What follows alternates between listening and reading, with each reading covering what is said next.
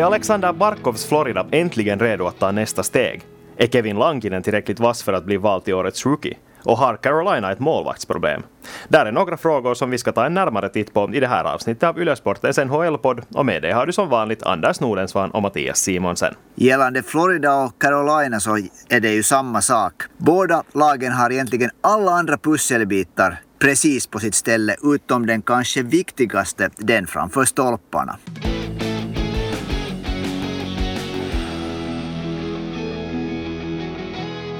Ja, vi hade lite dåligt samvete förra veckan då vi inte hann ta itu med alla frågor som ni hade skickat in. Så den här veckan ska vi enbart fokusera på det som ni vill veta om NHL just nu. Och vi börjar med en fråga som Marcus har skickat in. Han undrar om Florida Panthers slutligen har fått klossarna på plats. Och det snabba svaret är ju att det åtminstone verkar vara så. Florida toppar centraldivisionen och spelet ser ju också bra ut. Eller vad tycker du Anders? Spelet ser ytterst bra ut. Senast äh, natten mot, mot idag när vi, när vi bandar det här avsnittet så slog ju Florida Dallas i en match som Florida dominerade något helt totalt. Så det, det såg verkligen bra ut spelet. Det såg ut som en någonting som är hemskt ovanligt när det gäller Florida. En lagmaskin som rullade över Dallas kan man säga. Dallas var totalt tillbaka pressade och då är, som alla säkert vet så är det ju frågan om eh, laget som spelar Stanley Cup-final för några månader sedan. Florida ser bra ut och den stora frågan är ju såklart den här gubben som ska rädda puckarna mellan stolparna eller framför stolparna.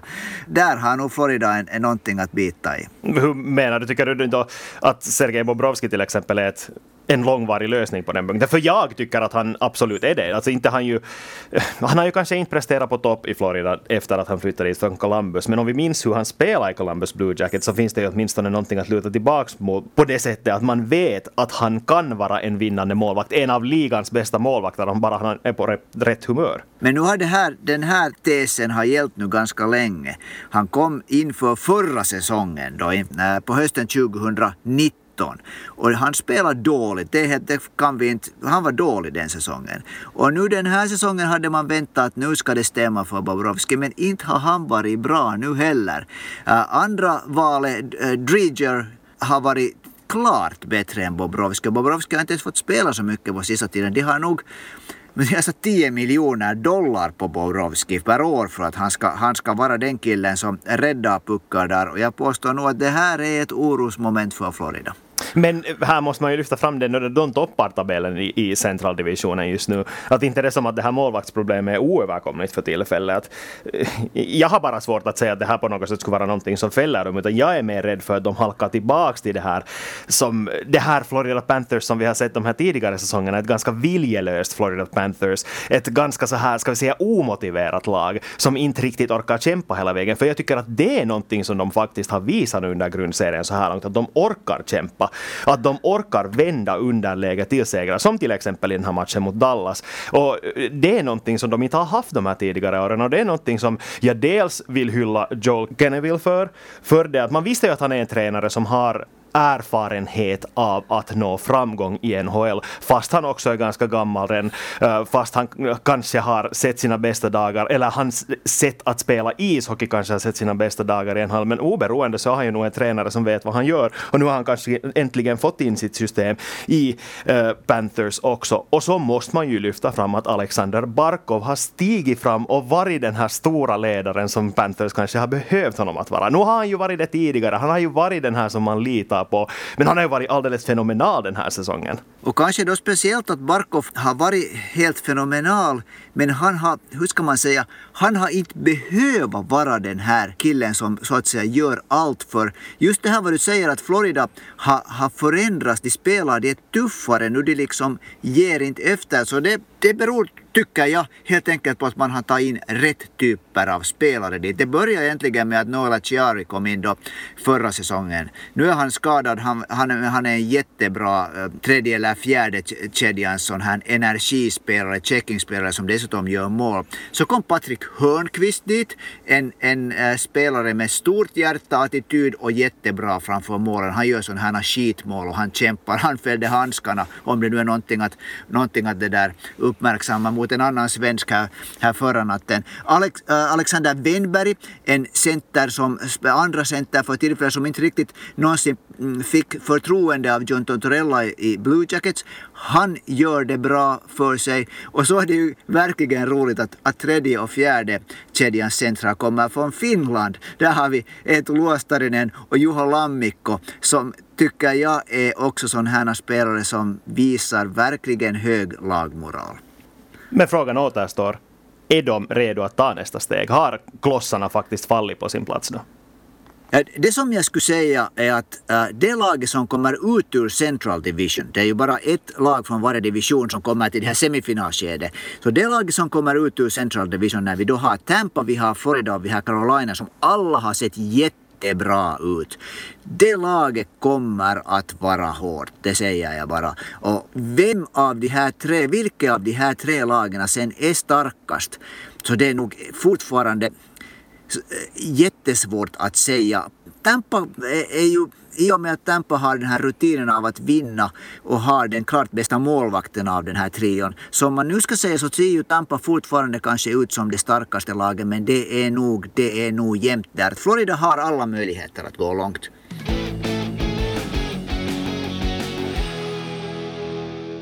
Men när vi nu en gång är inne på Central Divisionen så tycker jag att vi fortsätter med en annan fråga om Marcus och det är om Chicago faktiskt är en slutspelskandidat just nu. De ligger ju fyra i tabellen, men ja, vad tycker du? No, fortfarande så tycker jag nog att det är hemskt svårt att se Chicago som en slutspelskandidat. Uh, I så fall, no, kan man kämpa sig till en fjärde plats i den här divisionen så det är väl inom, inom räckhåll. Men nu har de ju överpresterat och överpresterat äh, jättemycket tack vare att Kevin Lankinen är helt glödhet, det vet vi alla. Och så måste man nog lyfta på hatten åt Patrick Kane. 19 matcher, 26 poäng så här långt. Där har vi en ledare på isen. Ja, alltså jag ska också säga på det här sättet att jag tycker att det finns andra lag som har underpresterat. Och då är det kanske främst just Dallas, Columbus och Nashville som alla har spelat mycket sämre än vad jag åtminstone förväntade mig att de skulle göra. Medan Chicago var ju ett av de här lagen som, som vi åtminstone räknade ut från första början att de tillsammans med Detroit skulle vara de klart sämsta i den här central divisionen. De skulle inte ha någonting att göra mot de här hårdare lagen. Men ändå orkar de hålla på och kämpa och eh, frågan är väl om de orkar tillräckligt länge. Alltså, det krävs ju det att de överpresterar. Det krävs det att de presterar på absolut toppnivå, match ut, match in.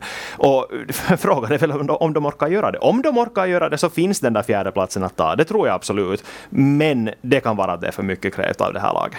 Nu kan man ju säga att, att det, där, det som kanske lite höjer på Chicagos möjligheter här, speciellt om Lankinen fortsätter att spela bra, är att, att nu är ju både Nashville och Columbus inne i någon sorts total yra. Det ser liksom ingen deras laget Får se om någon deras laget kommer att ha samma coach kvar när den här säsongen är över. Men att där tycker jag det finns en klar, ett klart utrymme nu för Chicago för att verkligen Nashville och Columbus ser inte bra ut. Men hej, vi fortsätter med Chicago och Kevin Lankinen som vi redan gick lite in på. Jakob undrar nämligen om Kevin Lankinen har en chans att bli årets rookie. Och det är ju faktiskt så att Lankinen kan bli utsedd till årets rookie. Man måste göra sin första NHL-säsong före man fyller 26 för att vara aktuell och den gränsen underskrider han med ett år. Och jag tycker åtminstone att han kan bli det. Men nu ska vi minnas att det är mycket lättare för utespelare att bli valda eftersom de som röstar brukar ganska slaviskt titta på poäng. Och det är ju lättare att stå ut på det sättet. Om du är en spelare som som är ung och kommer in i NHL och gör en massa poäng under din första säsong så är det på något sätt mer häftigt än att du är en målvakt som presterar bra. Och så ska vi ju också minnas att det är ganska ovanligt att målvakter är så här bra under sin nykomlingssäsong. Ofta kommer man ju in som tvåa och lite så här sakta men säkert körs in i ligan, så det, det är väldigt sällsynt. Det har faktiskt bara hänt fem gånger sedan 1990 att en målvakt har ha vunnit Calder Trophy. Det är Steve Mason från Columbus Blue Jackets som vann senast. Det har gått eh, uh, 12 år sedan dess redan. Uh, eh, och utöver honom så har Andrew Raycroft, Evgeni Nabokov, Martin Brodeur och Ed Belfour vunnit det här priset sedan 1990. Så uh, ja, varför inte, men, men det, det, krävs nog då nästan att ingen utespelare presterar på topp, vågar jag påstå. Så är det. Och, och, om, om det där, och det krävs kanske då att det händer just det här som vi snackade om, att om Chicago lyckas hålla uppe den här slutspelsformen och gå till slutspel, så där är ju någonting som då lyfter, för de var, de var, de var uträknade före säsongen och om de går eh, till slutspel så, så kommer det att kräva topp målvaktsspel. Och om Kevin Langenhorst som etta så är det då han som levererar det. För tillfället om man tittar på, på nykomlingarna så är det nog Kirill Kaprizov från Minnesota Wild som ligger starkast till. Han har gjort eh, 13 poäng, 4 plus 9 på 15 matcher och har varit just så bra som alla väntade att han skulle vara. Och det här är ju ofta någonting som också smäller högt när det, det finns för höga förväntningar på nykomlingar och sen om de lever upp till de här för, höga förväntningarna så det liksom ännu lyfter dem lite extra. Och då kanske det speciellt om man sätter det till, till relation till att äh, spelaren som alla snackade om förra säsongens äh, första val, Alexis Lafreniere, har varit, om man nu säger äh, mindre snällt så en total flopp. Han har inte varit ett dugg bättre åtminstone än vad, vad Capo Kakko var för, för ett år sedan. Äh, om det sen beror på tränaren eller vad det beror på. Så han är liksom ute ur racet. Då har Kirill Kaprizov som man har snackat mycket om tidigare. Han är ju, inte en, äh, han är ju lite äldre än. Men han har motsvarat förväntningarna. Lankinen ligger definitivt bra till. Och så skulle jag nog vilja påstå att äh, en som är säkert lite favorit är tysken Tim Stützle. Han är ung på riktigt. Han var en fruktansvärt bra i, i JVM i ett dåligt Tyskland så, så annars var kanske inte så bra så var han helt otroligt bra. Och nu har han nog gjort bra ifrån sig i Ottawa och jag tror att han har en massa goodwill bakom sig. Ja, det är lättare att stå ut i ett dåligt lag som då både, vi får väl säga att både Caprice och Stützle gör det just nu i och med att både Minnesota och uh, Ottawa är ganska dåliga. Så om du är en bra spelare på ett dåligt lag, speciellt som nykomling, så kommer du ha rampljuset på dig. Och det har vi ju redan sett att både Kaprizov och Stützle är sådana som ligan lyfter upp på sina sociala medier och så här. Att man lyfter fram mm. att hej, titta på de här nya killarna, de här nya talangerna som kommer att hjälpa föra de här kroniska bottenlagen upp till täten igen.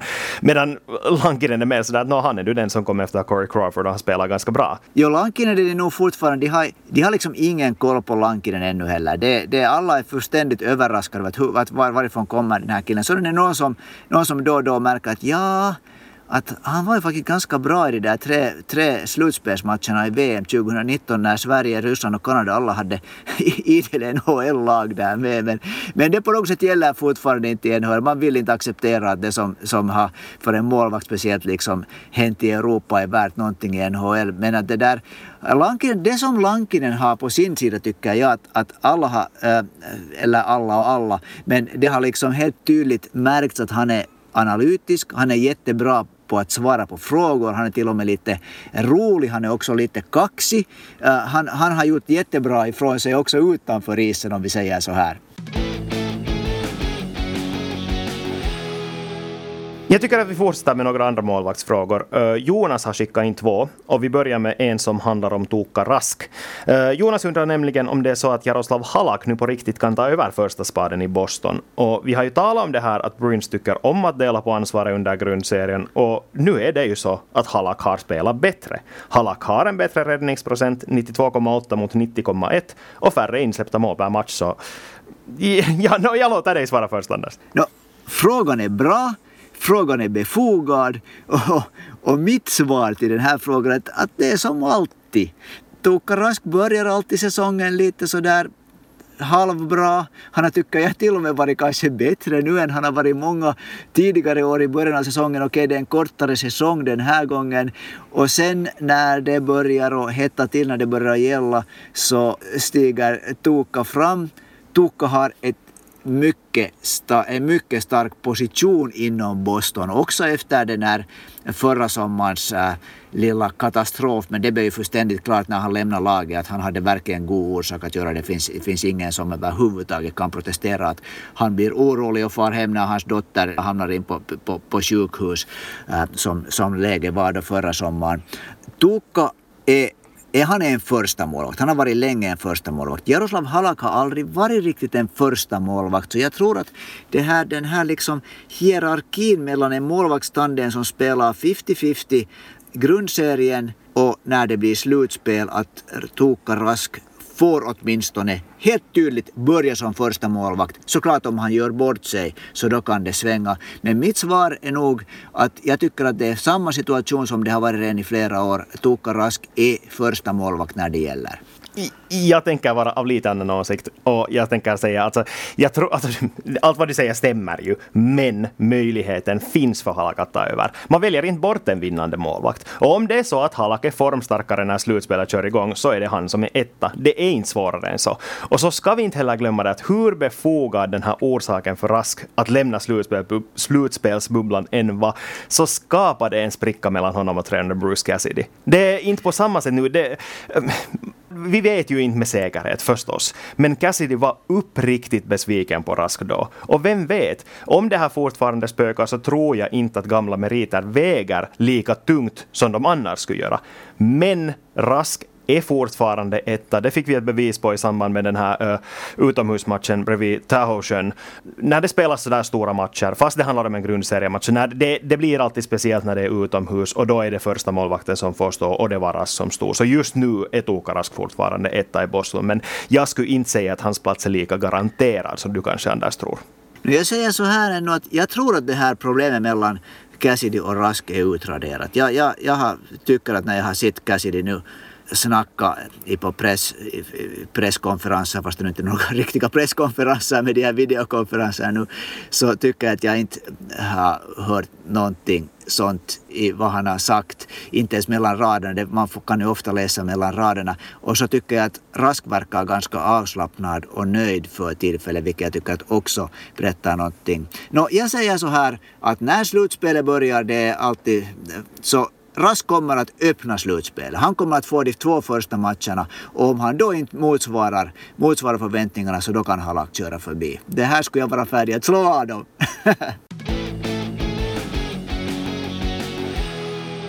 Men Jonas undrar också vilken målvakt Carolina borde ta in för att vara Stanley Cup-kandidater. Och det här är ju någonting som du Anders talade om i din senaste kolumn som ni för övrigt hittar på vår webbplats svenska.yle.fi sport. Men ja, målvaktsproblemet är Anders. Vad, vad tycker du? Vad, vad borde de göra? Eller är det ens ett problem? No, nu är det ju ett problem på sitt sätt att, att Petr Mrazek när han kommer tillbaka från sin tumoperation så han är ju inte en, vad man nu kan kalla för en 100% legitim första målvakt. Eh, tand, målvaktstandemen eh, Raimer eh, mm, äh, Mrazek är ju inte dålig men om man vill vinna Stanley Cup så kanske det behövs den där vinnarhästen och, och det där då kan ju Carolina inte vara utan att vara intresserad av att få in en, en, en målvakt. Men det är ju inte lätt att få in målvakter. För man vill garanterat inte nu göra sig av med de här verkligt, verkligt fungerande pjäserna i kedjorna och i, i, i, i backtruppen. Och, och vad ska man då, då det draftturer som man ungefär kan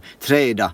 eller möjligtvis då en back. Det finns sju backar som för tillfället platsar egentligen eh, bland topp sex om man vill säga på det sättet som skulle kunna vara tillräckligt bra. Så det finns kanske en back som man skulle kunna göra sig av med. Men det där eh, det finns ju inte hemskt många målvakter. Det, det, Arizona har två bra målvakter. Columbus har två bra målvakter. Vegas Golden Knights har två bra målvakter. Kan man få därifrån till exempel en Antti Ranta, vill man ha en Antti Ranta som skadar sig hela tiden? Ja, det är inte lätt. Nej, alltså nyckelfrågan här i mitt tycke just det där vad priset skulle vara för en målvakt som dessutom är bättre än Mrazek och Reimer. Men för det första så ser jag inte heller det här målvakts spelet som något oöverkomligt problem just nu. Nej, Alltså ingen av de här målvakterna i Carolina just nu kommer att vara aktuella för en Vesina Trophy, men nu spelar de tillräckligt bra för att vinna matcher. Och inte skulle jag göra av mig med en viktig spelare just nu för att hitta en eventuellt bättre målvakt. In, fast de har ett litet överflöd på back, positionen just nu så inte skulle jag skicka bort en back i det här rådande världsläget. Man vet aldrig när det händer så att det är flera backar som till exempel hamnar i coronakarantän för att de har exponerats för viruset på något sätt. Så då är plötsligt de här extra backarna som du har guld värda. Om jag skulle vara Carolinas klubbchef just nu så skulle jag absolut träda bort draftval för att få en bra målvakt. Och den målvakten som jag i så fall skulle titta på så det är Anaheim, Anaheim Ducks målvakt John Gibson som har ryktats vara i startgroparna för Anaheim är ett sånt lag som definitivt skulle kunna kunna vara intresserade av draftval. De andra alternativen som du nämnde, om vi tar till exempel Columbus, Vegas, inte tror jag att de är intresserade av draftval på samma sätt. De vill ju ha en spelare som kan leverera just nu. De är lag som kan gå till slutspel. Columbus ligger understrecket just nu, men de ska vara tillräckligt bra för att utmana om den här fjärdeplatsen. Och inte, inte är det som att Jarmo Kekäläinen heller är en sån som hela tiden bygger för framtiden. Han vill ju nå framgång här och nu, speciellt när han har Patrik Laine i sin trupp. Så vem vet? Vem vet?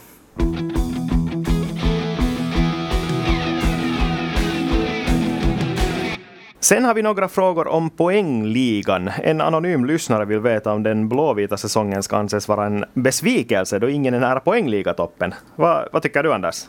Ett, ett tvådelat svar, jag börjar med poängligatoppen. Nu är det så att, att sex av de tio första i poängligan kommer från North Division. Det vill säga Mac, McDavid, Dreisettle, Marner, Matthews, Scheifele eh, är de fem första. Så det är helt tydligt att, att där i norra, norra, på norra sidan om den nordamerikanska gränsen så där går det vilt till för tillfället. Den som har följt med den har sett att, att Ottawa, äh, Vancouver, Calgary och också Edmonton har emellan sackat helt ihop och puckarna bara vinar in i mål. Dessutom så finns det ju fruktansvärt skickliga offensiva spelare där. Vi har då Connor McDavid uh, och vi har Austin Matthews, verkliga superstjärnor. Leon Draisaitls, förra årets Hart Trophy-vinnare. Uh, McDavid har gjort 37 poäng på 20 matcher. Draisaitl har gjort 30 poäng på 20 matcher. Matthews har gjort 90 19, ja, ursäkta mig, 18 mål på 19 matcher. Så där verkligen rullar poängerna till. Sen skulle jag ändå vilja säga om, jag, om finska spelarna att kanske jo, om man nu eh, jämför med den här toppen, men Barkov har 19 poäng på 17 matcher. Sebastian Aho, som alltid brukar börja lite långsamt, han har 16 poäng på 17 matcher. Rantanen har 13 poäng på 15 matcher. Patrik Laine har 10 poäng på 10 matcher, 6 plus 4. Så han skulle i princip i en, på en 80, eh, i en 80 eh, matchers säsong, en 80 matchers säsong, skulle han vara på väg mot möjligen till och med 50 mål. Och Rope Hintz har gjort 10 poäng på 11 matcher. Så det där, kanske det är då så att det går lite för vilt till där i, i, i norra delen av Nordamerika för tillfället. Ja, alltså, det går ju bara att hålla med. Om man kollar på de här highlights-klippen från den här säsongen så det, känns det som att det bara är Connor McDavid överallt. För att det känns som ja. att han kan göra vad han vill där uppe. Jag förstår inte hur de är så dåliga på att spela försvar. Det är helt otroligt. Ja. Alltså, ingen kan stoppa honom där. Men alltså det som du säger om de här finländarna, så det är ju ganska roligt egentligen att våra förväntningar är så högt uppskruvade nu att när de presterar bara en poäng per match så är man redan lite besviken. Att hej, vad är det här nu? Det här är liksom alla tiders finländska NHL-säsong. Det, det har spelat fler finländare i NHL den här säsongen än någonsin tidigare. Våra stjärnor är som bäst just nu, men ändå är de inte nära poängligatoppen. Men herregud, de gör ju en poäng per match. Nej, det har aldrig varit något annat än fullt godkänt och jag tycker att vi ska vara nöjda med att de har presterat så här pass bra. Och så ska vi också minnas att de faktiskt alla har gigantiskt stora roller i sina lag. Vi har snackat mycket om Barkov idag, given första center i Florida, deras stöttepelare. Sebastian Aho har samma roll i Carolina. Patrik Laine nu också den stora stjärnan i Columbus Blue Jackets. Mikko Rantanen, Nathan McKinnons högra hand i Colorados första kedja. Att inte, inte går det att underskatta heller hur viktiga de här finländska spelarna just nu, även om de inte pangar in lika många poäng som Connor McDavid mot totalt stillastående kanadensiska försvar. Samtidigt så förstår jag nog den här, den här frågeställningen och den som har skickat frågan för att det där mm, Sebastian Aho, om man tittar på hans matcher så jag har också liksom, äh, äh, ah, ah, att, varför stämmer det nu inte? Att jag, jag har åtminstone hela tiden haft den här känslan att han skulle kunna göra två, tre poäng äh, per, per kväll. Puckarna har lite stussat hit och dit och man ser på honom själv att han kanske inte har varit helt nöjd alltid med sitt spel. Han har, så, så det där, han har nu då 16 poäng, han skulle kanske kunna ha 22 poäng istället. Så jag förstår nog de här förväntningarna på sitt sätt. Och, och det där, det som jag nu måste säga som Sebastian Aho nu, att han utmanas nog riktigt ordentligt inom Carolina av Vincent Trocek om, om det där, vem som är den offensiva första centern där. Du, alltså, alltså tycker du faktiskt det att Trocek till och med skulle vara Alltså jag förstår om du skulle ta till exempel den här Jordan Stahl-kedjan, för det är ju en som också skapar ganska mycket fyrverkeri och är ganska så rolig att titta på, men Trocek är ju mer en sån här som, man, som är kul att ha i ett lag, men inte han ju den som man förväntar sig att ska leverera då när man faktiskt behöver ett mål i matchens sista minut. No, men nu, är han ju, nu är ju Trocek den som tar teckningarna i första powerplay. Han, är, han är liksom spelar center i första powerplay. Aho, Aho spelar liksom ena backpositionen. Men det, Trocek... men det är en sak att vara teckningsexpert och en annan sak att vara ja. den där som man litar på när man faktiskt ligger ett mål men, under med tio sekunder kvar att spela. Men de har ju har de inte lika många poäng för tillfället, Trocek och, och Aho. Alltså jag är ju också, jag är en den, den som det där, kanske jag har hört mig säga det tidigare, jag är en, en, kanske inte fysiskt stor men annars en stor anhängare av Sebastian Aho. Jag tycker att han är en fantastisk spelare. Men om man nu för tillfället ser hur mycket han spelar kontra hur mycket Trocek spelar så har Trocek de flesta kvällarna lite mera minuter än Sebastian Aho. Och Sebastian Aho kanske, jag tycker att Rod Brindamor fortfarande lite ser, tittar, kollar var han slänger in Sebastian Aho. Jag vill inte kritisera Rod Brindamore för jag har, jag har fullt förtroende för hur han läser sitt lag och sitt, sitt spel. Men, men Aho liksom, den där riktigt turboväxeln, så den skulle ännu få komma in. Det tycker jag faktiskt också. men, men, där ska vi också komma ihåg att jag tror att mycket av det här är sånt som kommer att jämnas ut under säsongens gång. Alla som har presterat bra nu under början av säsongen kommer inte att vara lika poängstarka resten av säsongen. Och det gäller också till exempel Vincent Trocek, tror jag, för att han tidigare säsonger inte har gett mig orsak att tro att han skulle fortsätta vara lika poängbra som han har varit nu. Medan de här finländarna, de här finländska stjärnorna, att de presterar en poäng per match är ju det som man förväntar sig av dem. Det är det vad de har gjort tidigare säsonger. Det är det vad som kan gå bra. Helt som du säger så puckarna har kanske inte studsat deras väg och sen när de börjar studsa, för bara man orkar jobba på, bara man spelar på tillräckligt hög nivå så börjar puckarna studsa ens väg i något skede och sen kanske de får en sån här spurtväxel i och, och närmar sig Connor McDavid i poängliga toppen.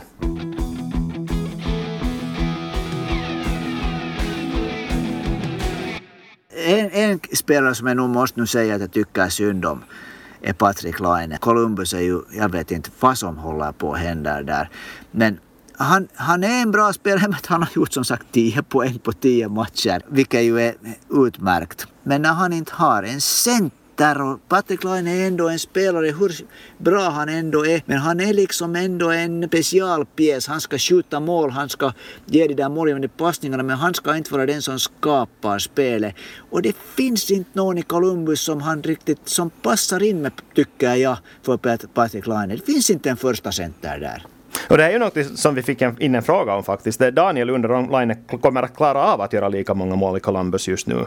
Men, och jag, jag, menar helt som du säger, så han är på väg mot 50 mål. Om, om det här skulle vara en 82 matcher lång säsong så skulle han gå mot 50 mål just nu. Att inte se någon orsak till att han inte skulle kunna göra lika många mål heller. Men såklart skulle det vara lättare om han skulle ha en klar, en bättre center bredvid sig. Precis. Eh, en center och spelare som får pucken åt honom när de har powerplay. Han får ju komma ju knappt till skott. Och en jättestor del av den tiden han är på isen så spelar man djupt nere i egna zonen. Äh, så att det där, jag vet inte vad som ska hända med Columbus. Det, det, jag tycker det inte ser bra ut och inte har, Laine har inte ett par sista matcherna heller riktigt, tycker jag, fått det att stämma.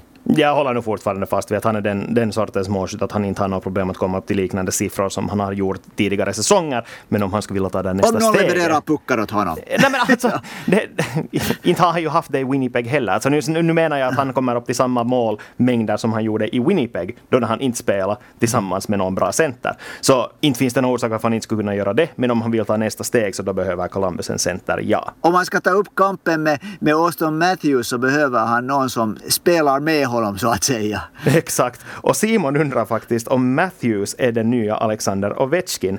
Hur många mål tror vi att respektive pangar in denna säsong? No, för tillfället så ligger ju Matthews på 18 mål på 19 matcher det är så lätt att säga att det här kan inte hålla i sig men jag är inte hundraprocentigt säker på att det inte kan hålla i sig. För Torontos anfallsspel fungerar jättebra. Samspelet med Mitch Marner fungerar och Auston Matthews är nog en betydligt mångsidigare spelare än Alexander Ovechkin, det måste man ju säga. Hans skott håller ju otroligt hög nivå. Han har ett av de bästa skotten i hela NHL. Så visst, alltså, om man vill jämföra honom med Alexander Ovechkin, bara de här målskillnaderna, så tycker jag absolut att man kan kalla honom den nästa stora målskytten, den här som man talar om att kommer att göra grymt många mål varje säsong och kommer att vara en av de här som är i topp tre i Morris Rocket Richard-race varje säsong.